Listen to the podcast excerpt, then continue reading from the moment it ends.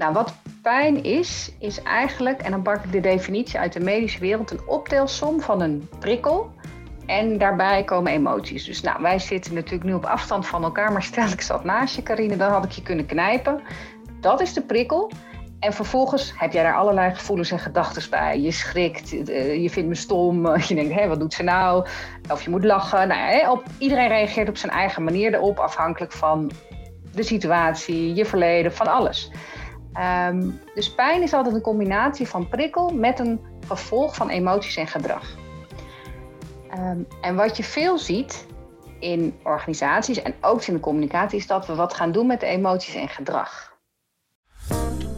Van harte welkom bij de Communicatiepodcast. Mijn naam is Karine van den Noord en ik maak deze podcast voor iedereen die ervan houdt om meer te leren over hoe je jezelf kan uitdrukken, hoe je verbinding kan maken, hoe je meer impact kan maken. Uh, voor jezelf als persoon, maar ook als organisatie. En elke maand heb ik een inspirerende gast die ons daar meer over leert. En daarnaast ontstaat er ook een hele mooie community om de communicatiepodcast heen. Van mensen die de nieuwsbrief maandelijks ontvangen en daar nog meer tips en tools krijgen voor hun communicatie. Hele mooie trainingen kunnen volgen. Nou, als je daar meer over wil weten, ga naar uh, de link die je vindt onder de beschrijving bij deze podcast. Of ga naar decommunicatiepodcast.nl. En uh, ja, we gaan nu naar het interview. Heel veel luisterplezier. Van harte welkom bij een nieuwe aflevering van de Communicatiepodcast. Deze keer met Mathilde Maas-Kuper. Mathilde, van harte welkom. Wat tof dat je er bent. Uh, Mathilde, jij bent spreker, adviseur en schrijver over het thema pijn. En dan gerelateerd aan uh, hoe organisaties veranderen, juist door die pijn aan te gaan. Uh, zeg ik dat zo goed? En zou je misschien heel kort zelf willen voorstellen? Ja, nou dat zeg je hartstikke goed, Carine. Leuk om hier te zijn. Uh, ja, mezelf voorstellen. Nou, volgens mij heb je de kern al gezegd, want ik heb me als organisatieadviseur gespecialiseerd in pijn. En eigenlijk om het nuttig en zinvol te maken, dus in pijnmanagement. Uh, een klein beetje achtergrond, want het is altijd verrassend. Ik heb eerst kunstacademie gedaan en daarna ben ik milieukundig ingenieur geworden. Dus eigenlijk ben ik techneut. uh, maar ik ben het organisatieadviesvak ingerold, uh, waarin ik werk als adviseur, trainer, coach. Um, en daarin ben ik telkens tegengekomen dat ja, als we echt effectief willen veranderen, dan, dan zal je ook iets moeten doen met de pijn. Dus zodoende werk ik eigenlijk als pijnexpert in organisaties. Ja, en um, ik ben dan wel benieuwd, dat thema pijn. Um, ja, vaak komt het natuurlijk misschien wel naar voren in gewone advies en training, maar je hebt het er echt uitgelicht en er zelfs een boek over geschreven. En uh, dat boek gaan we, daar gaan we vooral ook op in. Deze podcast, ik pak hem er heel even bij voor mensen die ook het YouTube filmpje kijken. De verfrissende smaak van zure appels. Pijnmanagement, onmisbaar voor succesvol leiderschap. Um, en, en je hebt het er echt uitgelicht en gedacht. En je net in het voorgesprek noemde je, ja, maar ik volg zelfs al de hashtag pijn en de Google Alert op pijn al vijf jaar. Dus iets in jou heeft, heeft misschien dat getriggerd of heeft gedacht, ik moet daar iets mee. Ja. Uh, hoe kwam dat zo? Ja, dat zal ik vertellen, want dat is niet, uh, uh, nou, dat is niet vanzelfsprekend. Um, en het kwam eigenlijk doordat ik van klanten waar ik al werkte, uh, heel vaak in mijn evaluatie terugkrijg van joh, je legt heel goed de vinger op de zere plek, je maakt de pijnpunten op een prettige manier bespreekbaar. Dus dat had ik zo van verschillende kanten al teruggehoord. Um, en daar had ik het met een collega over. En die zei, oh, maar jij weet ook heel veel van pijn. Nou, dat vond ik toen een hele stomme opmerking.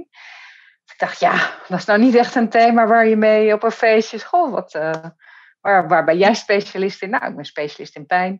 Nou, ben je dan anesthesist, zeg maar, die het wegneemt? Nee, nee, ik uh, kom het juist doen. Dus dat, ik heb daar echt wel mee gestoeid. Ik ben toen al wel dus uh, uh, gaan volgen. Joh, wat is er allemaal? Want het intrigeerde me. En ik ben natuurlijk ook gaan kijken van, ja, waarom weet ik dan zoveel van pijn? Want, nou ja, wat ik zei net in mijn achtergrond, het is niet dat ik psychologie heb gestudeerd of zo. Um, nou, dat komt wel voort uit dat ik als kind zeg maar opgegroeid ben in een setting waar heel veel pijn, heel veel conflict, heel veel gedoe was. En dat ik eigenlijk vooral last had van dat volwassen mensen daar in die omgeving nooit ingrepen. Ja.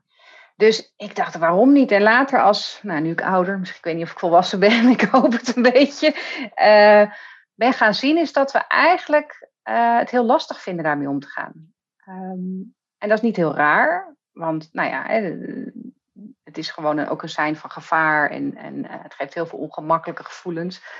Maar ik zag dus in mijn werk eigenlijk wat ik al kende, dat we niet de vaardigheden hebben ontwikkeld om daar meer mee te doen. En dat we vooral heel primair reageren op, ja, het is onprettig, laten we er maar omheen gaan. Laten we er maar van wegblijven. Of met de bottenbel erin en dan is het ook maar voorbij. Maar we zijn niet bezig met of we dan enorme littekens of uh, splijtswammen uh, maken. Um, nou ja, en zo heb ik een beetje gestoeid met dat thema. Realiseerde me, oké, ik heb heel veel kennis. Ik weet heel veel van.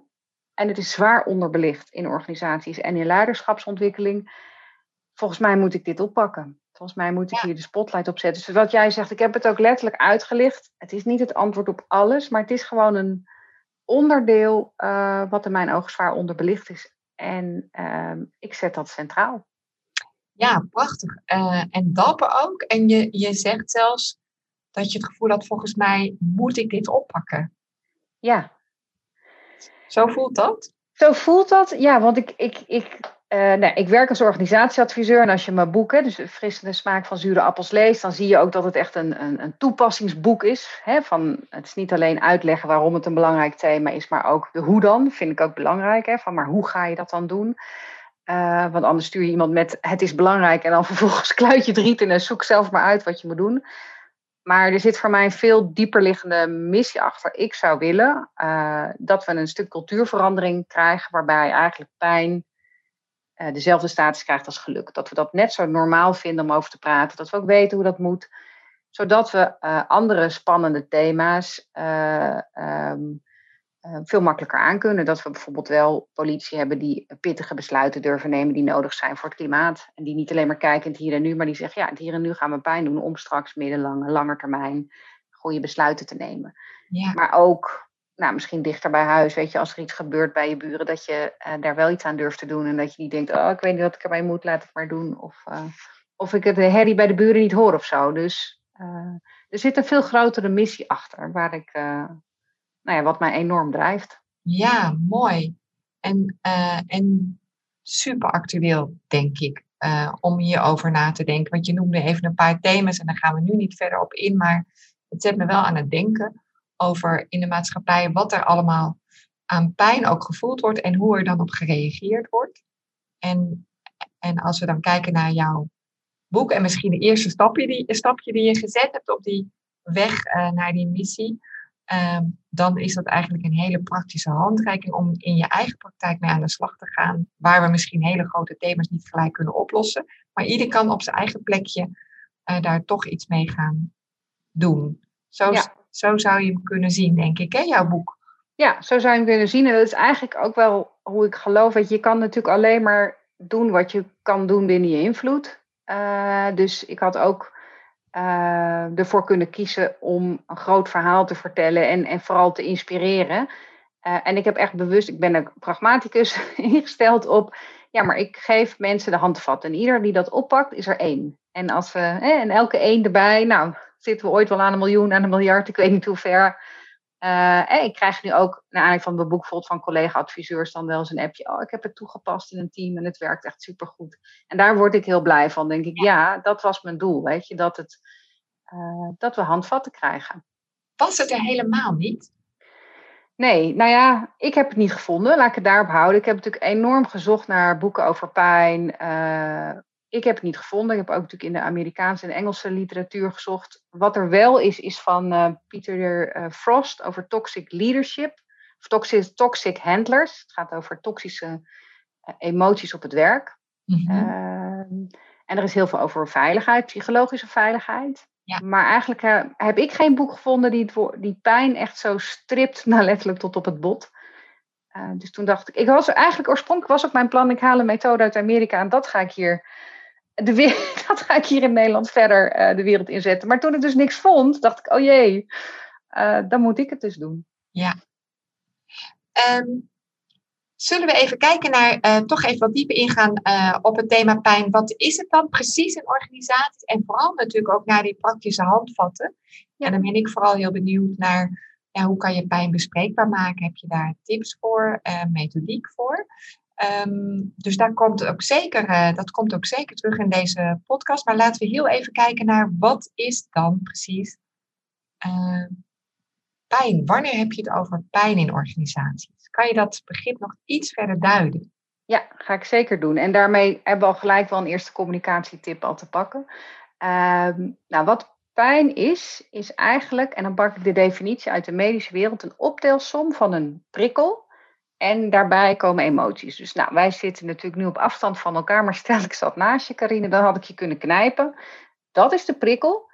En vervolgens heb jij daar allerlei gevoelens en gedachten bij. Je schrikt, eh, je vindt me stom, je denkt, hé, wat doet ze nou? Of je moet lachen. Nou, op, iedereen reageert op zijn eigen manier erop, afhankelijk van de situatie, je verleden, van alles. Ehm, dus pijn is altijd een combinatie van prikkel met een gevolg van emoties en gedrag. Ehm, en wat je veel ziet in organisaties en ook in de communicatie, is dat we wat gaan doen met de emoties en gedrag. Ja. Maar daar zijn zoveel variaties op. Want de een gaat schreeuwen en moet je dan naar diegene luisteren en de ander valt stil. En, en daar luisteren we dan niet naar. dus dat zie je bijvoorbeeld als je het hebt over journalistiek. Iemand die zijn verhaal, persoonlijke verhaal breed uitgemeten krijgt in eh, de media, krijgt relatief veel aandacht. En wat dus helpt, en wat ik eigenlijk ben gaan doen, gaan kijken van ja, maar in de, in de, in de definitie, de pijnprikkel, de oorzaak, daar zit eigenlijk je informatie. Maar waar komt het vandaan? Ja. En de oorzaken kunnen maar twee dingen zijn. En dat is of je bent iets kwijtgeraakt, hè, iets verloren. Er is iets van verlies. Nou ja, als je, je kan een persoon verliezen, maar als je bijvoorbeeld naar een organisatie kijkt. In een reorganisatie vallen teams uit elkaar. Nou, dat vinden sommige mensen die gehecht waren aan een clubje, is ervaren ze als verlies. Maar het kan ook een techneut zijn die heel erg gewend is met bepaalde software te werken. Die moet naar iets anders. Die kan dat ook als pijnlijk ervaren. Ehm, of het is een onvervuld verlangen. Dus je wil iets, maar het komt niet. Of het lijkt in ieder geval niet te gaan komen. Ehm, nou, dat kan zijn een promotie die je had gedacht uh, uh, te krijgen. Maar het kan ook een bepaald groeiperspectief of bepaalde omzet die je had verwacht. Of dat je meer, heel vaak is dat, we worden niet gehoord, dat je verlangt naar dat je gehoord wordt door het management of de directie. Um, en dus als je op momenten is, dat hebt wat is pijn? Nou, eigenlijk zijn pijn dus maar twee soorten oorzaken. Er is iets weg, iets verloren geraakt of er is onvervuld verlangen. En dat is een beetje rationeel, maar doordat we op die manier erover praten, en dit kun je dus ook in een schriftelijke communicatie verwerken, kun je het hebben over de, echt kern, de oorzaak van de pijn. En dan heb je het dus over de essentie. Dus de mensen met alle emoties en hebben het over de essentie. Hè? Dus als we teruggaan naar het voorbeeld, ik heb jou geknepen. Daar kunnen we het met elkaar over hebben. Dan zitten we gewoon in de kern. Als we het gaan hebben over, en jij wordt boos op mij en zegt, ja, maar je wordt boos, dat hoeft allemaal niet. We hebben een heel ingewikkeld gesprek. Maar als we het gewoon hebben, ik heb jou geknepen, denk ik, ja, dat klopt. Hoe gaan we daarmee om? Dus dat is, uh, als je mij vraagt, wat is pijn? Nou, dat is pijn. En dat kan je gelijk gebruiken in al je communicatie.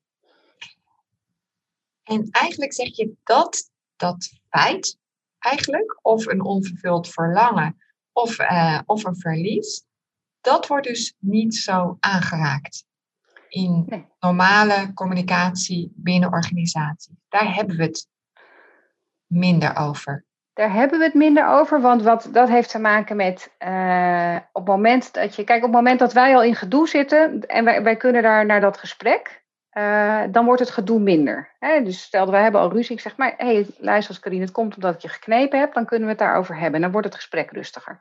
Maar wat in de organisaties vaak is, is dat het rustig is, althans rustig lijkt, en dat er iemand dus moet gaan komen en die moet die pijn op tafel gaan leggen. Ja. En wat er wel gebeurt, dan is degene die het op tafel legt, daarvan zeggen we, die doet de pijn. Dat is natuurlijk niet waar. Het enige, hè, niet voor niets is die uitdrukking, de boodschapper wordt onthoofd al, al, al uit de tijden van de Grieken. Het is niet degene dat die pijn doet, maar die maakt hem wel voelbaar. Ja. En, dan, en dat gevoel, alles, hè, al dat gevolg van pijn, dat vinden we ongemakkelijk. Uh, dus dat is waarom we het niet doen. Omdat we iemand die het aan moet durven om het voelbaar te maken. Ja, dat is intrigerend wat je nu zegt. En ik moet denken aan uh, situaties in een organisatie, maar dat kunnen ook persoonlijke, uh, persoonlijke omstandigheden zijn, een persoonlijke situatie. Ik vind het altijd uh, zo ook wel moeilijk om te ontdekken dat op het moment dat er bijvoorbeeld in je omgeving een echtscheiding plaatsvindt, ehm, dan is er iemand vaak van de twee die zegt, ja, het werkt niet en ehm, ik wil hiermee stoppen of zo, hè? En heel vaak is de omgeving dan die dan naar die persoon zegt van, nou, zij wil ermee stoppen. Terwijl dat natuurlijk ook iets is tussen twee mensen.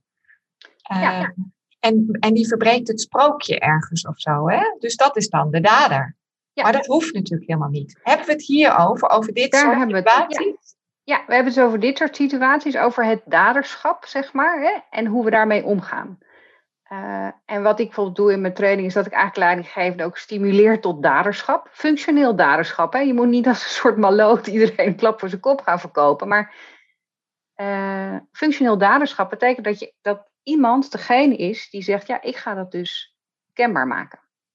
En ik zal een zakelijk voorbeeld geven waar, eh, in een onderwijsinstelling waar we dat zijn gaan doen. Dit is een onderwijsinstelling die van de inspectie een flinke stevige rapport had gekregen. Er moesten een aantal dingen veranderen. Onder andere bij eh, de begeleiding van docenten. Eh, waar daarvoor deze, deze ondersteuners, begeleiders eigenlijk eh, leerlingen opvingen waarvan de docent zei, nou, ik weet niet waar ik ermee moet, hier heb je hem. Ging nu de rol veel meer naar ondersteunen, coachen, faciliteren dat de docent dat klassenmanagement beter op orde kwam. En wat ze het duurde even voordat we dat team natuurlijk zover hadden, dat dat ze hun eigen nieuwe rol accepteerden. Maar toen was het, oké, wij willen dit wel anders gaan doen, maar de docenten verwachten van ons dat wij nog steeds die leerlingen opvangen. En toen hebben we een soort winkelpostertje gemaakt, wat ze wel en niet konden kopen bij dit team. En daar stond heel duidelijk, echt vrij pijnlijk, je mag geen leerlingen meer brengen. En je mag, eh, dus, uh, uh, dus dat was zeg maar als heel pijnlijke boodschap, zijn ze dat gewoon. En dit doen we wel en dit doen we niet. En bij wat ze niet doen stond onder andere, leerlingen kunnen niet meer gedropt worden in het lokaal van de ondersteuners. Maar daaronder stond ook, levert dit een probleem op? Kom met ons in gesprek. Ja. Dus ehm, enerzijds kregen ze gedoe, want ze waren de boodschapper, maar eigenlijk waren zij, weet je, ze waren de dader, maar eigenlijk was dit een uh, veel bredere lijn die door, vanuit de inspectie, dus door de directie, weet je, ingezet moest worden. Alleen op de vloer waren zij degene die de pijn deden. Ja. Omdat ze eigenlijk gingen realiseren wat voor de hele organisatie nodig was. Ja, ja. En dat Mooi. leverde best wat gedoe op. Ja. Maar dat was wel heel helder. Het is een soort winkelpostertje hebben we gemaakt. Grappig dat je het op die manier verkoopt. Dus Ja. ook ergens wel ehm, ja, eh, begeleid met, met, met een vorm en zo'n extra zin, zodat het niet helemaal de botte bijl is, maar je gaat er niet omheen. Nee, want de bottebel is in mijn ogen ook pijnmijden. Dat is gewoon alleen maar zeggen, we doen het niet meer en voor de rest, nou ja, zoek het maar uit. Nee, het is heel duidelijk de pijnlijke boodschap. We doen dit met meer, niet meer. Maar we weten ook dat dat gedoe voor jullie oplevert. Ja. We willen wel met elkaar kijken, hoe dan verder? Ja. Maar de oplossing is niet dat we die leerling opvangen. Ja. Wat de oplossing wel is, Dat is een gezamenlijke uitdaging, daar moeten we het Ja. samen over hebben. Ja. Is dat ook, eh, want als we even gaan naar, eh, we hebben nu gesproken over wat is dan precies de pijn. Ik wist dit niet zo precies. Dat je, je hebt het heel mooi uitgelegd van het is dus eigenlijk een soort feit. Kan twee kanten opgaan. Eh, eh, verlies of onvervuld verlangen. Dat is, ligt er altijd aan ten grondslag. En ehm, de kunst is dus om daar naar die kern te gaan. Ook in je communicatie. Ja. En dus aan de hand van voorbeelden vertel je al een beetje hoe je dat dan kan doen. En in je boek lees ik dat je er echt een, een bepaalde methodiek voor hebt ontwikkeld. Hè? Hoe je dat ook in je team of in je organisatie kan aanpakken. Zou je daar eens wat ehm, meer over willen vertellen van hoe dan? Ik heb natuurlijk in mijn boek zeg maar een vrij, nou ja, noem je dat rechtlijnig stappenplan, vijf stappen methodiek, omdat het gewoon fijn is om te weten waar je doorheen loopt. En even als, niet als disclaimer, maar in de praktijk zijn dingen natuurlijk veel, uh, uh, veel meer een rond proces. En kom je, hè, dus het is niet rechtlijnig, maar op zich kan je de stappen wel als een rechte lijn volgen. En de eerste stap is observeren. Welke pijn is er? Dus dat is eigenlijk wat we net gedaan hebben met die taal voor pijn. Dat je zegt, joh, over welk verlies en welk onvervuld verlangen hebben we? En dan kijk je natuurlijk naar verschillende stakeholders.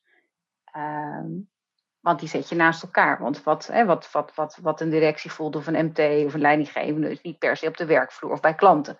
Hè, dus daar kun je, naar, uh, kun je naar kijken. Dat doe je dan voor jezelf? Schrijf je gewoon op een briefje? Of, of kan je er al over praten met collega's? Of hoe? Nou ja, dat is, kijk, degene die uh, ermee wil beginnen, kan eigenlijk voor ongeveer 90% dat invullen. Ja. Want op het moment dat jij een verandering uh, uh, gaat doorvoeren, gewild of ongewild, ik bedoel, vorig jaar zijn we allemaal online moeten gaan vanwege corona. Je kan op een briefje al invullen, oké, wat gaat er gebeuren? Nou, uh, mensen gaan contact met collega's missen. Hè? Daar, daar gaan ze naar verlangen. dus dat soort dingen kan je gewoon, bij reorganisatie kan je gewoon zekerheden die, hè, het, het, verlies van zekerheid op het moment dat banen op de tocht staan. Dus bijna altijd kan je het invullen, alleen je moet wel natuurlijk wel even in je achterhoofd hebben dat je aannames doet. Dus dat je misschien fout zit. De ervaring is echter, als je gewoon echt gaat navragen van, joh, maar ik nou kijk naar jullie team, dit plan moet worden doorgevoerd. Wat verliezen ze? Ja. Wat wil het team eigenlijk? Wat roept het team al jaren? Bij het koffiezetapparaat, weet je, waar mopperen ze over? Wat willen ze en krijgen ze dat? Of is dat nog steeds onvuld verlangen? Dan, dan weten mensen het wel op het moment dat ze het. Uh... Dus dat kan je zelf doen. Je kan ook met collega's erover hebben.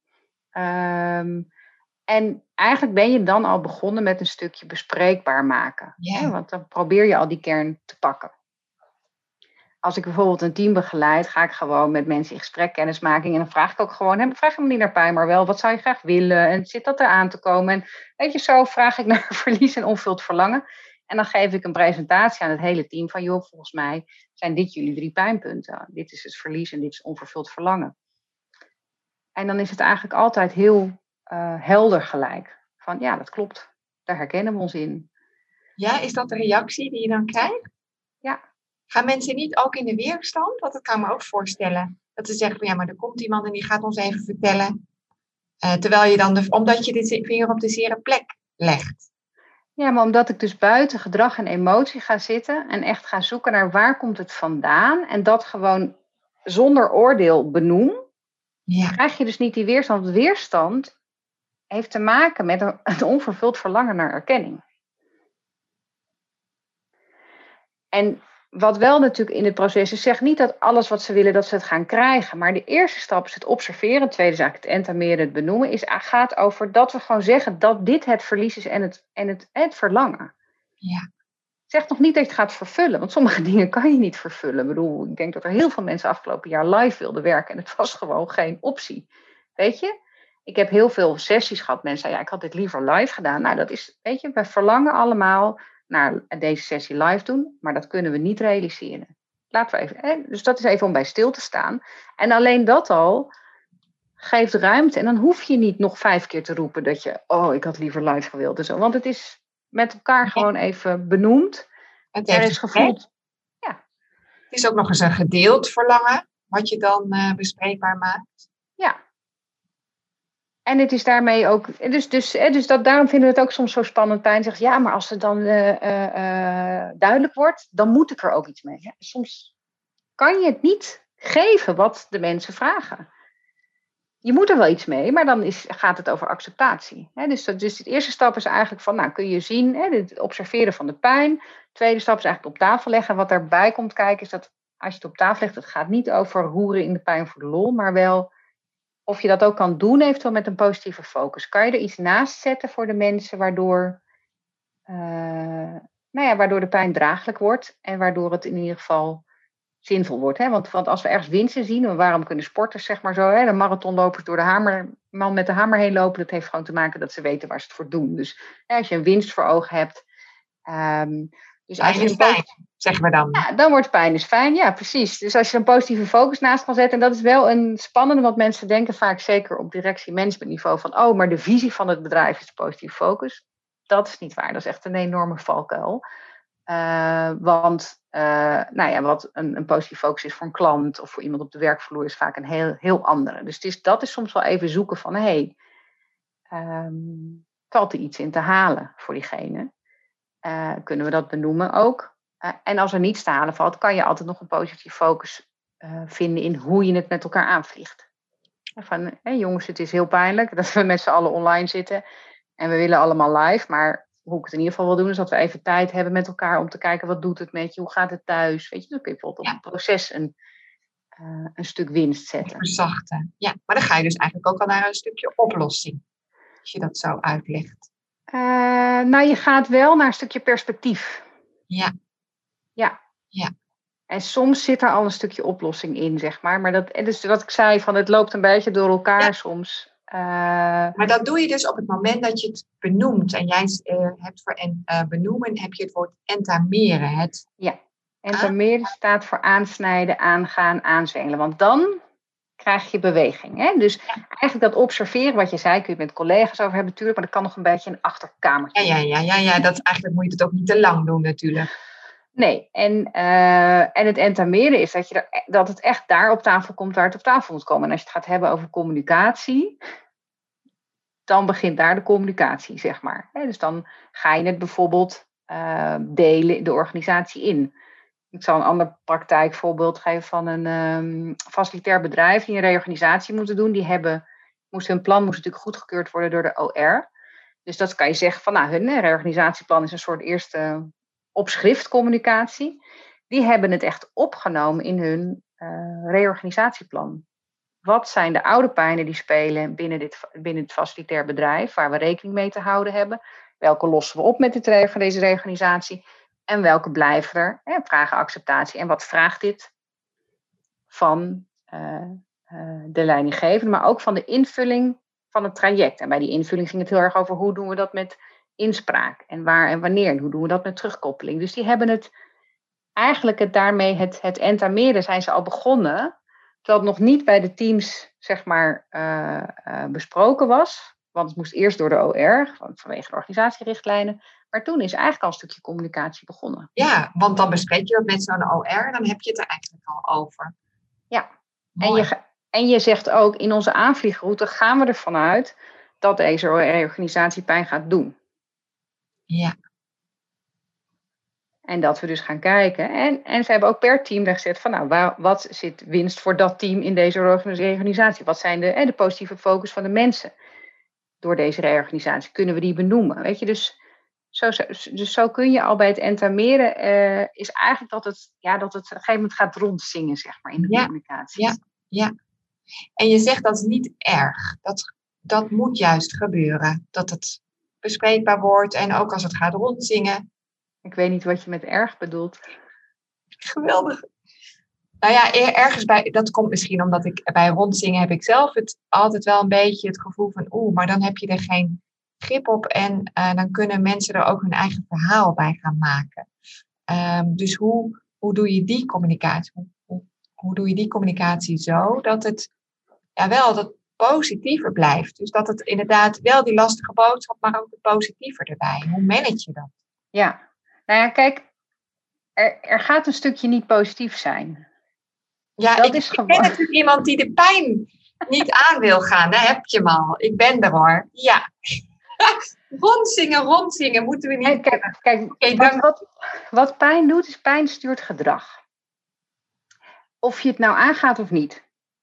Hè, dus we, uh, uh, als je niks doet met de pijn. Kijk, die reorganisatie bijvoorbeeld, die moest doorgevoerd worden, hoe dan ook. Dus die gaat hoe dan ook ergens pijn doen. Daar gaan hoe dan ook verhalen rondzingen. En daar gaat hoe dan ook gedrag op ontstaan. Dus wat je wil, is dat je eigenlijk de informatie uit de pijn haalt, zodat je uh, zeker weet dat je gedrag opwekt wat in ieder geval klopt op de kern wat je doet. Dus ja, ja als mensen horen, uh, uh, in dit geval ging het over flexibel inzetbaar zijn. Dus er gingen niet eens mensen uit. Hè? Dus deze reorganisatie ging niet eens over mensen ontslaan, maar ging over dat mensen niet in een vaste team blijven, maar dat er een soort flexschil tussen de verschillende teams zouden ontstaan, zodat ze piekdruk op konden vangen.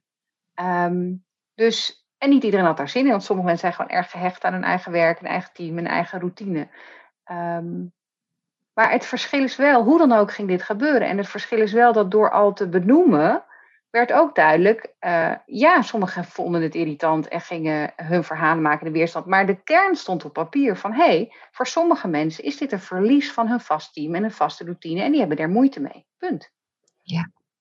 Dus ja er was zeker, want daarna zijn ze natuurlijk met de teams ook in gesprek gegaan, kwam dit gedoe. Maar doordat de kern gewoon er stond, had iedereen vanuit het managementtaal van ja, dit klopt. Dit is voor jullie een verlies van je routine, van je vaste team. En voor sommigen is dat echt onprettig of vinden die fijn. En, en dan, kan, kon ook de, de, de verbinding gelegd worden van nou, en ik hoor in hoe je boos wordt, dat dat voor jou dus geldt.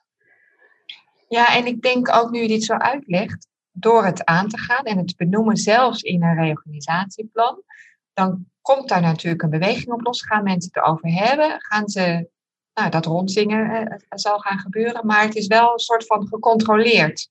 Uh, want het hoort bij een uh, proces wat je verwacht. En je, ik kan me voorstellen, maar ik ben nu voor mezelf ook aan het bedenken van hoe kan je dat dan goed begeleiden met communicatie. Maar dan wil je, denk ik, als management wel dichtbij zijn. Dat je ook bereikbaar bent en het gesprek erover kan hebben. Op het moment dat, dat mensen komen. Ja.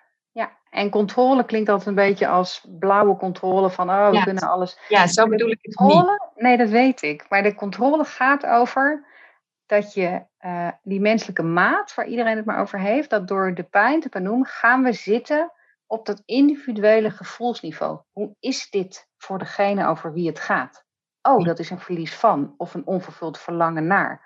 En doordat je op dat essentieniveau gaat zitten, waar de pijn voelbaar is, gaat, uh, heb je controle. Omdat iedereen uiteindelijk voelt, oh, maar dit is wel waar het over gaat. En, en, en, een collega van mij, die dus met de methodiek aan de slag gaan, echt in een team van techneuten, ingenieurs. En dat was meer een, die hadden een, een, een project waar de samenwerking, groot project, infrastructuurproject, waar de samenwerking niet lekker liep. En die ging met die techneuten pijnmanagement doen. Nou, die zeiden natuurlijk, die zweefteef, die hoeft helemaal niet te En zij heeft gewoon gezegd, de vijf stappen, observeren, entarmeren. Nou, ik zal de andere drie zo nog uitleggen. Ontrafelen, realiseren, regisseren, realiseren. Dit is wat we gaan doen vandaag. Uh, dus eerst maar eens met post-its. Wat is de pijn? Jongens, verlies, verlangen. Nou, ben je ook al gelijk aan het entameren. Wat willen we als positief focus bereiken? Nou, en vervolgens gingen ze naar ontrafelen. En dan ga je dus kijken, waar heb je invloed op? En wat heb je te accepteren van wat kan je niet veranderen? Toen konden ze met al die post-its kijken. Nou, hier hebben we invloed op. En toen zijn ze vanuit daar werkafspraken gaan regisseren. Nou, en dat realiseren zit dan in de praktijk, dus dat ga je doen. Dus zelfs uh, techneuten die gewoon zoiets hebben, al het gevoel en dat zweverige geleuter over wat er van binnen allemaal bij Je maakt het gewoon heel concreet en je zit dus op de kern, ehm, doordat je gaat hebben over, ja, maar waar komen al die emoties, al die gedachten, al die verhalen, al dat gedrag vandaan? Nou, van dit verlies of onvervuld verlangen. Ja, prachtig. Het is een beetje dat gesprek wat ik thuis kan hebben met mijn man. op het moment dat je net even te veel en dat je dan even moet, iemand met, eh, moet sparren met iemand die wat rationeler is op dat moment of wat meer afstand heeft.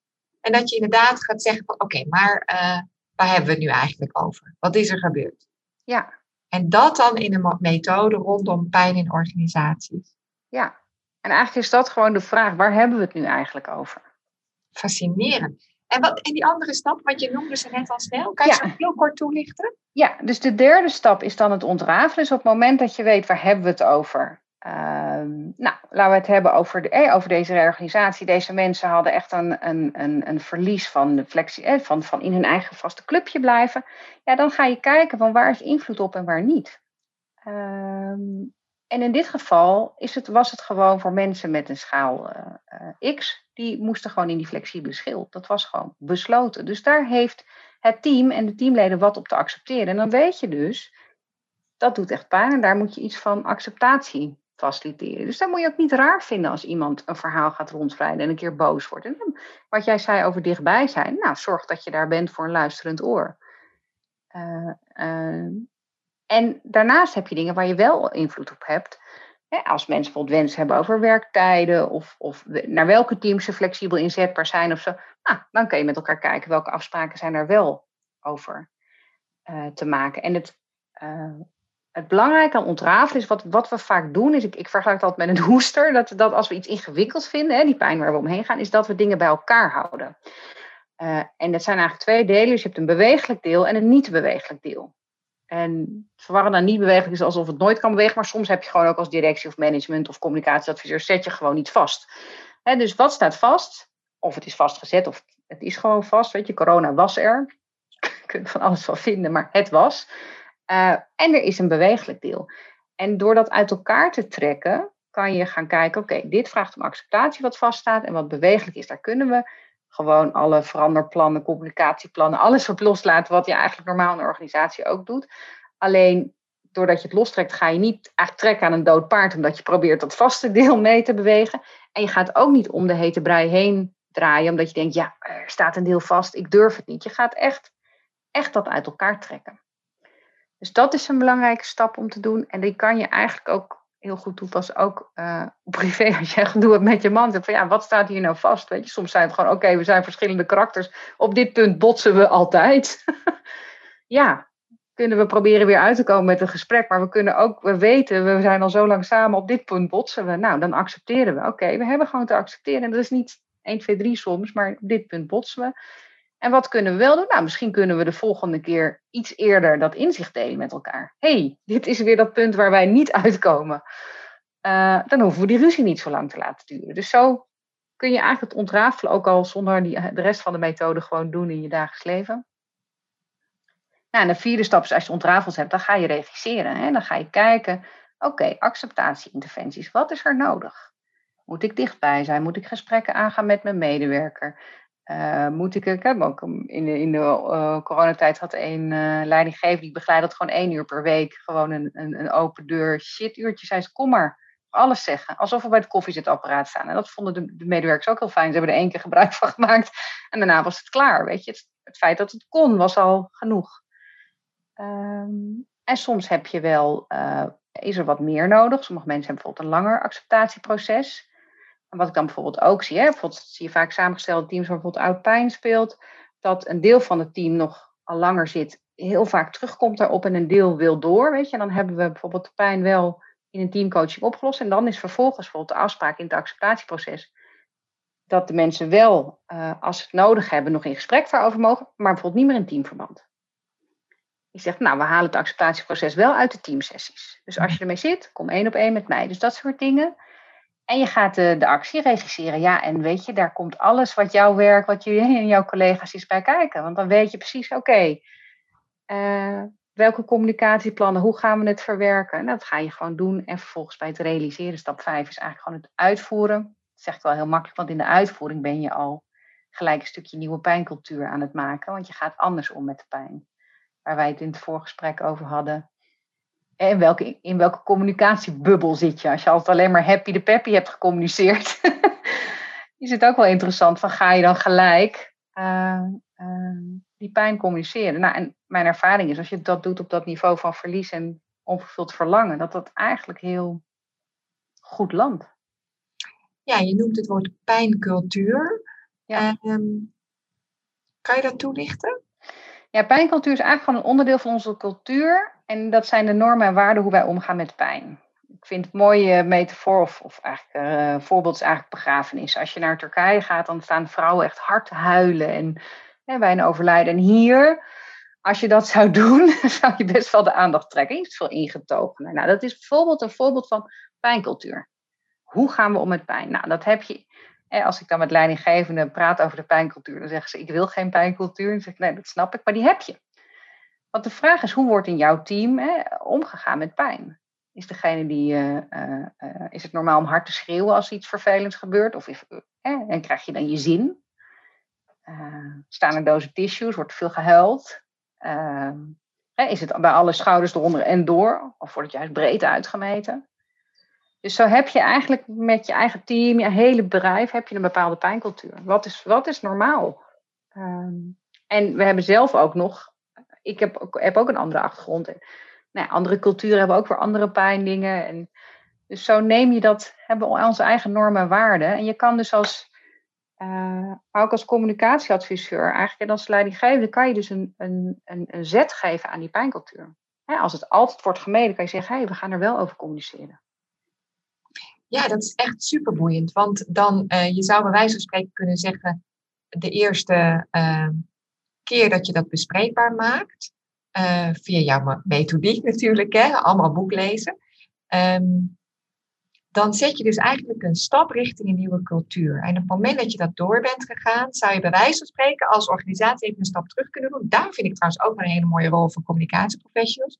Om samen te kijken van hoe gaan we nou als organisatie om met pijn? Hoe, hoe maken we het bespreekbaar? En hoe is ons dit bevallen? En kunnen we daar stappen in zetten om in het vervolg opener te zijn, eerder uh, iets te benoemen en iets te gaan doen aan hoe we omgaan met pijn? Ja, dat is precies wat het is. En je begint letterlijk, weet je, eigenlijk vanaf het moment dat je zegt we gaan er iets mee doen, begin je natuurlijk al te sleutelen aan die pijncultuur. Ja. ja. Maar je hebt natuurlijk wel organisaties, en dat is ook wel, daar gaan we zo meteen ook aan afronden. Ehm, maar je hebt natuurlijk organisaties waar het muur of moer, hoe noem je het, moer vast zit. Hè? Mensen die allemaal in, waar gewoon al jarenlang dat gaat op een bepaalde manier. En, en de moeilijke thema's echt worden besproken. Ehm, en dan ga je ineens ergens aan sleutelen. Dat is dus die dappere dader die jij net noemde, die dan zegt van ik, ik leg het op tafel. Poeh, dan ga je wel wat aan natuurlijk. Hè? Wat ja. kan je dan verwachten? ja, je kan.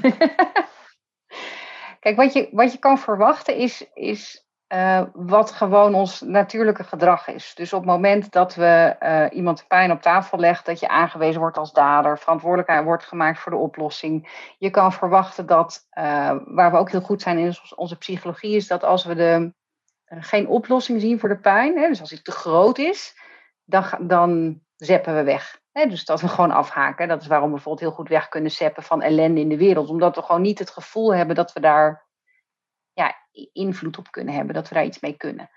Uh, dus dat kan allemaal. Hè? Dus dat is ook, nou ja, weet je wat, wat bijvoorbeeld klokkenluiders. Dat zijn echt mensen die pijn doen, vaak best wel geprobeerd hebben intern in de organisatie, maar die zijn nergens doorheen gekomen. En dan met eigenlijk het pijnlijke gevolg vaak van verlies van baan en reputatie gaan ze op een gegeven moment uh, naar buiten. Dus wat je kan verwachten is eigenlijk alles wat ons natuurlijke instinct doet. Wat helpt is op het moment dat jij ervoor uh, kiest om die pijn aan te gaan, is of om te zeggen, ik doe het binnen mijn cirkel van invloed. Hè, dus ik werk veel met leidinggevenden die het met hun eigen team doen. Ook al is dat in een groter, complex systeem. Maar die zeggen, hé, hey, maar hier zit mijn cirkel van invloed. Daar gaan we alvast een klein beetje zo ermee aan de slag. Of, of helemaal met dat team. Maar dan hè, realiseer je ook dat je misschien een, een, een, een druppel bent in een grote organisatie. En als je het wel naar buiten brengt naar een plek waar ze er niet ervaren mee zijn, helpt het om, en daarom heb ik in mijn boek ook echt wel een stukje theorie beschreven van hoe werkt pijn, om uit te leggen wat er gebeurt. En zo had ik iemand die een dossier oppikte van een, uh, van een collega en die dat de organisatie in moest brengen. Een heel lastig dossier. Dus die legde het ergens op tafel. Die kreeg inderdaad als dader alles over zich heen. En die heeft ook gezegd, ik heb deze pijn niet gecreëerd. Die was er al. Het enige wat ik doe is hem hier op de agenda zetten, omdat ik denk dat als we er niks mee doen, dat het een effect gaat hebben wat we niet willen. dus het, het besef van weten hoe pijn werkt en dus een beetje ondertitelen, um, helpt dan wel. Helpt, en zeg ik niet dat. Hè? Helpt heel erg. Heel erg. En het is nog niet gelijk alles opgelost, maar dan snap je je eigen plek en je snapt welke reacties kunnen komen. En je kan uitleggen, ja, het is natuurlijk gedrag van jullie. Maar het is niet gedrag wat effectief is en wat ons brengt naar nou, welk doel je ook met elkaar gesteld hebt. Heel mooi. Ik zit gewoon even over na te denken. Maar inderdaad, wat een. Uh, uh, dan kan je toch aangaan, hè? En met die ondertiteling erbij. Ja. En soms kom je tegen een muur. Ik ben ook in mijn leven als tegen een muur. En dan weet ik, oké, dus hier kom ik niet verder. Nou ja, dat is dan ook een pijnlijke uh, je neus stoot. Ja. Wat heb ik te accepteren? Hier kom ik niet verder. Ja, ja dat kan. En wat is er dan, waar is wel beweging? Nou, dan is het kijken welke andere weg er wel is. Ja, maar in ieder geval niet laten voor wat het is. Nee, want het gaat sowieso het gedrag sturen. Ja. We moeten allemaal jouw boek lezen. Waar vinden we hem? Waar vinden we hem? Nou, je kan de verfrissende smaak van zure appels eigenlijk overal bestellen. Dus uh, nou, online bij Management Boekbol, Bruna. Maar je kan ook zeker je lokale boekhandel uh, uh, steunen. Want die heeft hem of liggen of die kan hem ook voor je bestellen. Ja, ja. Nou, dat is sowieso. Wat ook nog goed is om te weten. Jij geeft begin juli, 7 juli, een workshop. Vinden mensen op jouw site, hè? entameer.nl is ja. jouw website. Daar is een workshop um, waar je voor kan inschrijven. En dan uh, leer je eigenlijk werken met de methodiek uit het boek. Stel dat je nou echt in een organisatie zit waarvan je denkt, ja, eigenlijk jammer dat ik deze podcast luister, want nou moet ik er toch misschien echt wat mee. Nou, dan is er dus en een heel mooi boek, maar ook mogelijkheid om een workshop te volgen. Dan krijg je nog meer tools om er echt mee aan de slag te gaan, misschien na je zomervakantie. En wat ik super leuk vind, en dank daarvoor, uh, Mathilde, we mogen ook twee boeken weggeven aan, uh, luisteraars van de podcast die ook de nieuwsbrief lezen. Dus dat is even slim om te doen. ga naar communicatiepodcast.nl. Daar vind je de mogelijkheid om je in te schrijven voor de nieuwsbrief. En dan kan je je ja, meeloten met het boek. En maak je misschien kans op een gratis boek en dat komt dan netjes bij jou in de brievenbus, helemaal gratis thuisgestuurd. Heb je hem voor je zomervakantie, kan hij mee in je koffer. En ehm, ja, kan je het eens even allemaal nalezen wat we nu met elkaar hebben besproken. Nou, je hoort al, Mathilde, ik ga wel even naar een afronding toe, want we hebben echt bijna drie kwartier zitten praten uh, over pijn. Een thema wat eigenlijk uh, nou, nog niet zo heel erg bespreekbaar was, maar uh, waar wij wel uitgebreid bij stil hebben gestaan. En ik wil je heel erg bedanken voor uh, de inzichten die je hebt gegeven. En ook de praktische handvatten. Uh, en het inspireert me ontzettend om hier echt mee aan de slag te gaan. Dus dank je wel. Graag gedaan. Fijn. Dat is ook het doel. Om die olievlek steeds verder te verspreiden en te verbreden. Mooi. Nou, daar, uh, daar leveren we nu een bijdrage aan. En mensen, heel erg bedankt dat jullie weer geluisterd hebben. Uh, we gaan een zomerperiode tegemoet. Um, uh, dus we zijn er eventjes één maand niet. En dan vanaf augustus weer een hele mooie nieuwe podcast. Dank jullie wel voor het luisteren.